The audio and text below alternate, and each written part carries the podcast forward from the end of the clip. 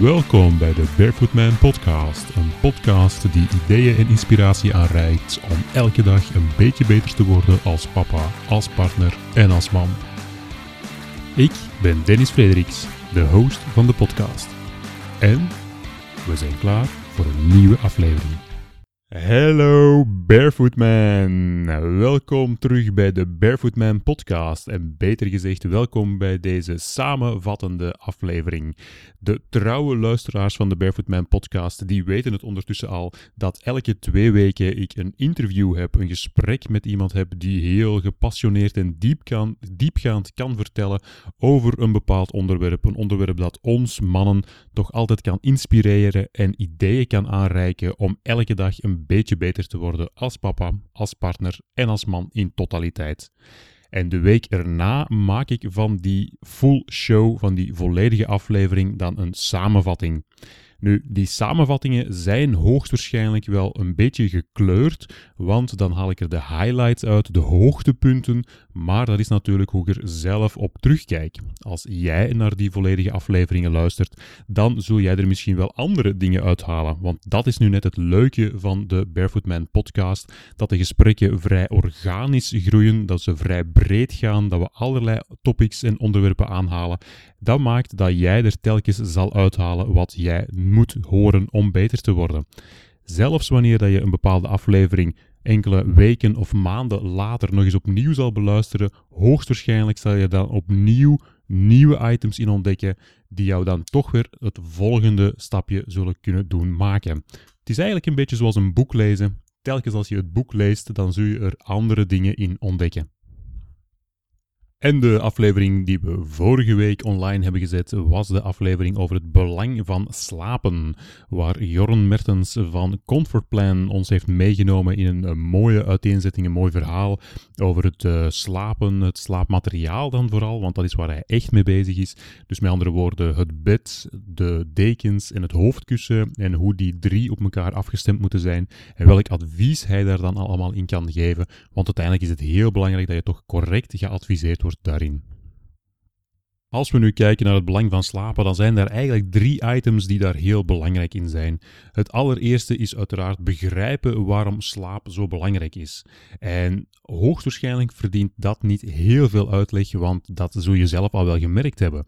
Als je eens een nacht slecht geslapen hebt, en dan één nachtje valt misschien nog mee, maar als je in een serie van nachten zit waarin dat je slecht slaapt, dan zal je merken dat jouw mentale weerbaarheid gewoon letterlijk afneemt de kinderen, als ze dan eens wat lastiger zijn of eens een uh, moeilijke dag hebben, dan ga je gewoon voor jezelf merken dat je er ook veel sneller in geagiteerd bent, dat je er veel korter op inspeelt, dat je echt een kort lontje hebt, dat je sneller ontploft. En dat heeft puur te maken met een, een vorm van slaapgebrek.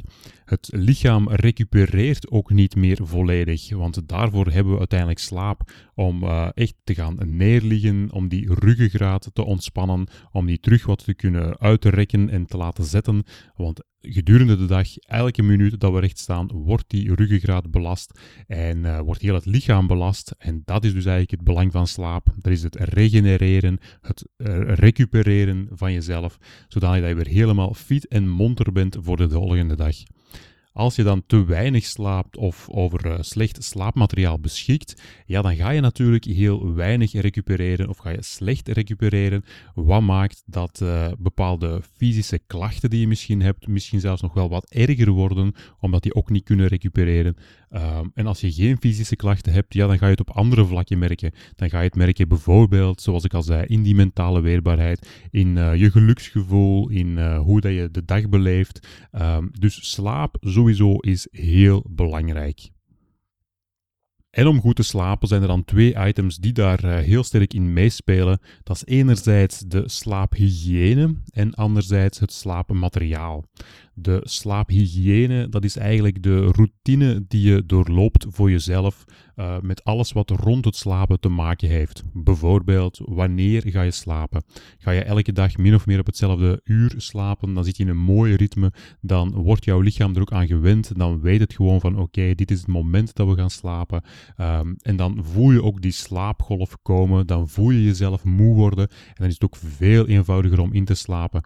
Tegenover als je nog helemaal in de adrenaline rush zit, uh, dan wordt het natuurlijk veel moeilijker om dan de slaap snel te vatten. Hetzelfde met het opstaan, het ontwaken. Uh, als je dat elke keer op hetzelfde ritme doet, dan kom je echt in een patroontje terecht waarin het lichaam uh, weet wat er wanneer zal gebeuren en dan loopt het allemaal heel vlot. Als je dat elke dag op een ander ritme doet, of daar toch eens uh, bijvoorbeeld in het weekend eens serieus gaat uitslapen, dan krijg je eigenlijk min of meer hetzelfde effect als een jetlag. En dan moet je weer toch weer terug een beetje liggen aanpassen. Dus in het weekend uitslapen, om dan in de week vroeg op te staan, omdat je gaat werken. Uh, dan zit je in het begin van de week echt letterlijk met een jetlag. En ja, dan moet je daar ook weer gedurende de week van recupereren.